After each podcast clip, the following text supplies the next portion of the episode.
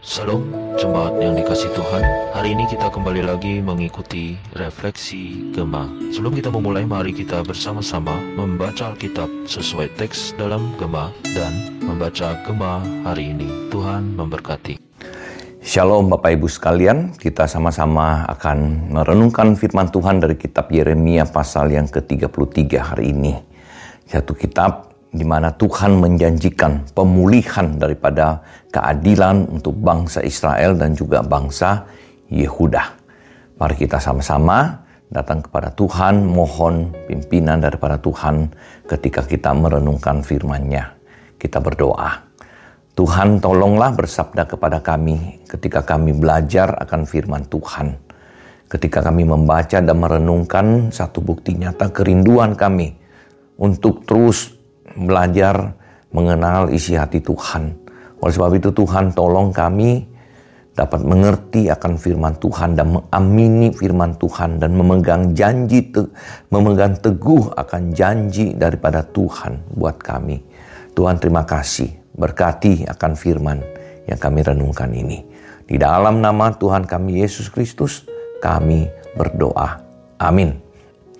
Saudara, seperti di mana dituliskan di dalam renungan Gema hari ini, di dalam kitab Yeremia pasal yang ke-33 hari ini, kita melihat ada dua janji yang Tuhan berikan.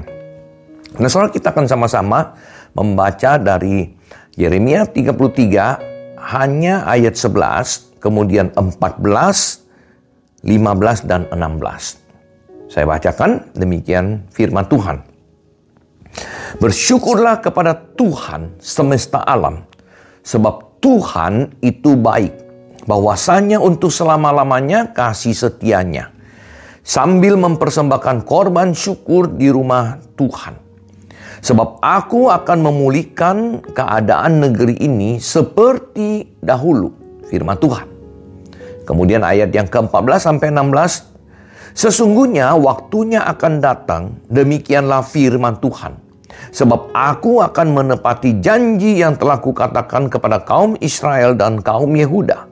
Pada waktu itu dan pada masa itu aku akan menumbuhkan tunas keadilan bagi Daud. Ia akan melaksanakan keadilan dan kebenaran di negeri. Pada waktu itu Yehuda akan dibebaskan dan Yerusalem akan hidup dengan tentram. Dan dengan nama ilahi mereka akan dipanggil Tuhan keadilan kita. Soal janji yang pertama yang diberikan ketika kita membaca pasal 33 ini adalah janji tentang pemulihan bangsa Yehuda. Di dalam ayat yang ke-8 Tuhan berkata, Aku akan mentahirkan mereka dari segala kesalahan yang mereka lakukan dengan berdosa terhadap aku. Dan aku akan mengampuni segala kesalahan yang mereka lakukan dengan berdosa dan memberontak terhadap aku. Saudara pengampunan dan pemulihan yang diberikan oleh Tuhan kepada bangsa Israel dan Yehuda yang dituliskan di sini bukan berarti bahwa bangsa Israel dan bangsa Yehuda telah sepenuhnya bertobat dan berbalik kepada Tuhan. Namun sini dengan jelas dari ayat yang 11 kita baca tadi bahwa apa yang dilakukan oleh Tuhan semuanya ini itu adalah karena Tuhan penuh dengan kasih karunia.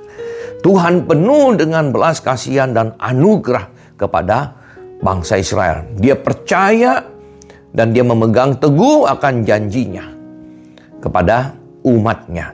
Nah saudara sekalian di dalam ayat yang sebelah saya bacakan sekali lagi. Dikatakan bersyukurlah kepada Tuhan semesta alam sebab Tuhan itu baik. Bahwasanya untuk selama-lamanya kasih setianya.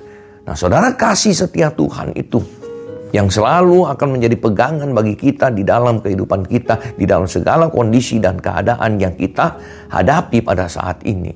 Tuhan tidak pernah meninggalkan kita. Nah, saudara, kasih setia Tuhan itu inisiatif daripada Tuhan, keselamatan yang Tuhan berikan pada kita itu juga tercatat di dalam perjanjian baru di dalam kitab Efesus pasal 2 ayat yang ke-8. Di situ dikatakan bahwa sebab kasih karunia Tuhan, kamu diselamatkan oleh iman. Itu bukan hasil usahamu tetapi pemberian Allah.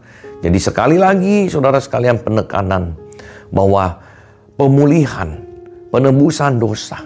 Itu bukan karena kita manusia telah melakukan hal yang baik, melakukan apa yang menyenangkan hati Tuhan sehingga kita mendapatkan reward. Enggak. Karena kita manusia yang berdosa. Kita banyak kesalahan, kita banyak melakukan pelanggaran.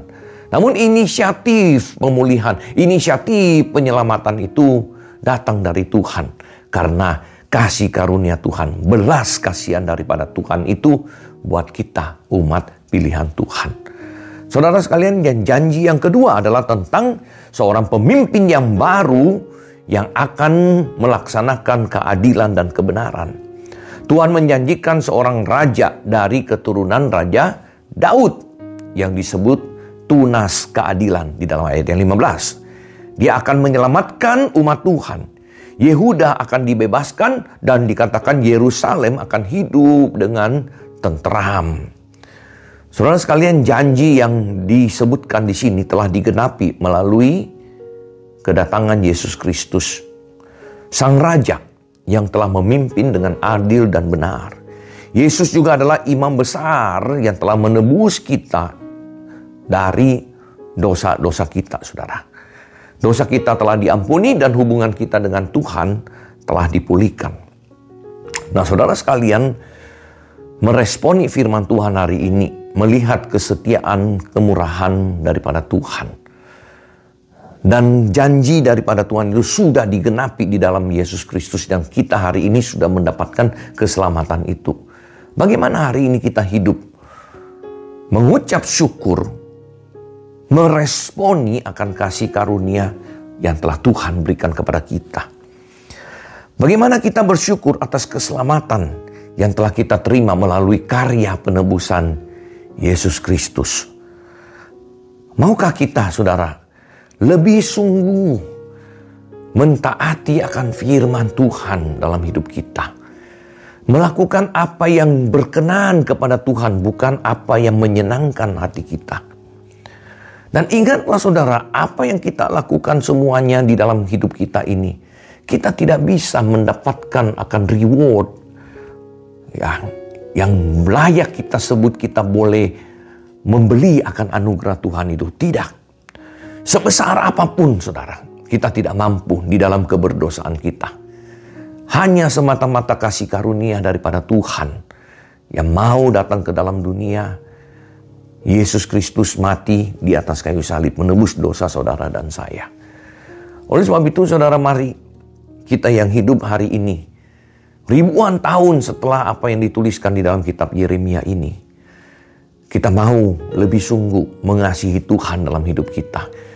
Kita mau lebih sungguh memulai hari kita dengan membaca firman, dengan berdoa, dan sepanjang hari kita mau dengan hati yang rindu untuk memuliakan Tuhan, melakukan apa yang Tuhan kehendaki.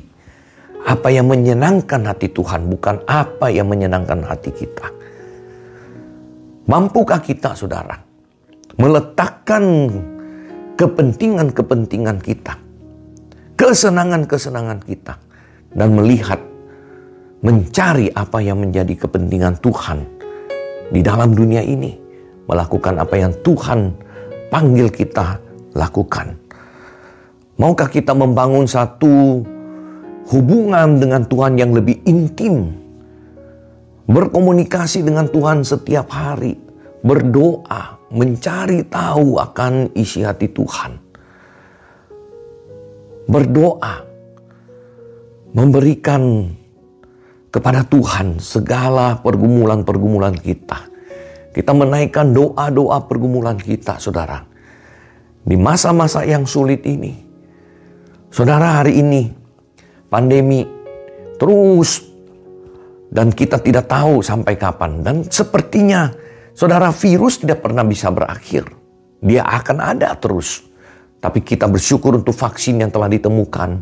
Kita bersyukur untuk antibodi yang ada. Kita bersyukur untuk keadaan yang makin membaik. Nah, kita sudah mulai pergi keluar ke toko, ke mall. Kita mulai keluar kota. Namun saudara saya mau challenge saudara hari ini Sudahkah saudara berani kembali beribadah di rumah Tuhan? Mari saudara, waktunya dengan keberanian, dengan iman, kita mau datang lagi ke rumah Tuhan, mengucap syukur untuk kasih karunia, untuk kesehatan, untuk kekuatan yang Tuhan telah berikan pada kita. Maukah saudara? Dengan hati yang bersyukur untuk kasih karunia Tuhan, untuk janji yang telah Tuhan genapi di dalam Yesus Kristus telah memberikan kita keselamatan ini. Mari kita terus menerus memuji, memuliakan Tuhan di dalam hidup kita. Kita berdoa. Tuhan, begitu besar akan anugerah Tuhan dalam hidup kami. Engkau mengutamakan keselamatan kami ya Tuhan di atas segalanya. Bahkan Yesus Kristus putra yang tunggal datang ke dalam dunia mati untuk menyelamatkan kami. Untuk menggenapi akan janji Tuhan kepada umat Tuhan. Dan Tuhan ajar kami hari ini dengan iman, dengan segenap hati.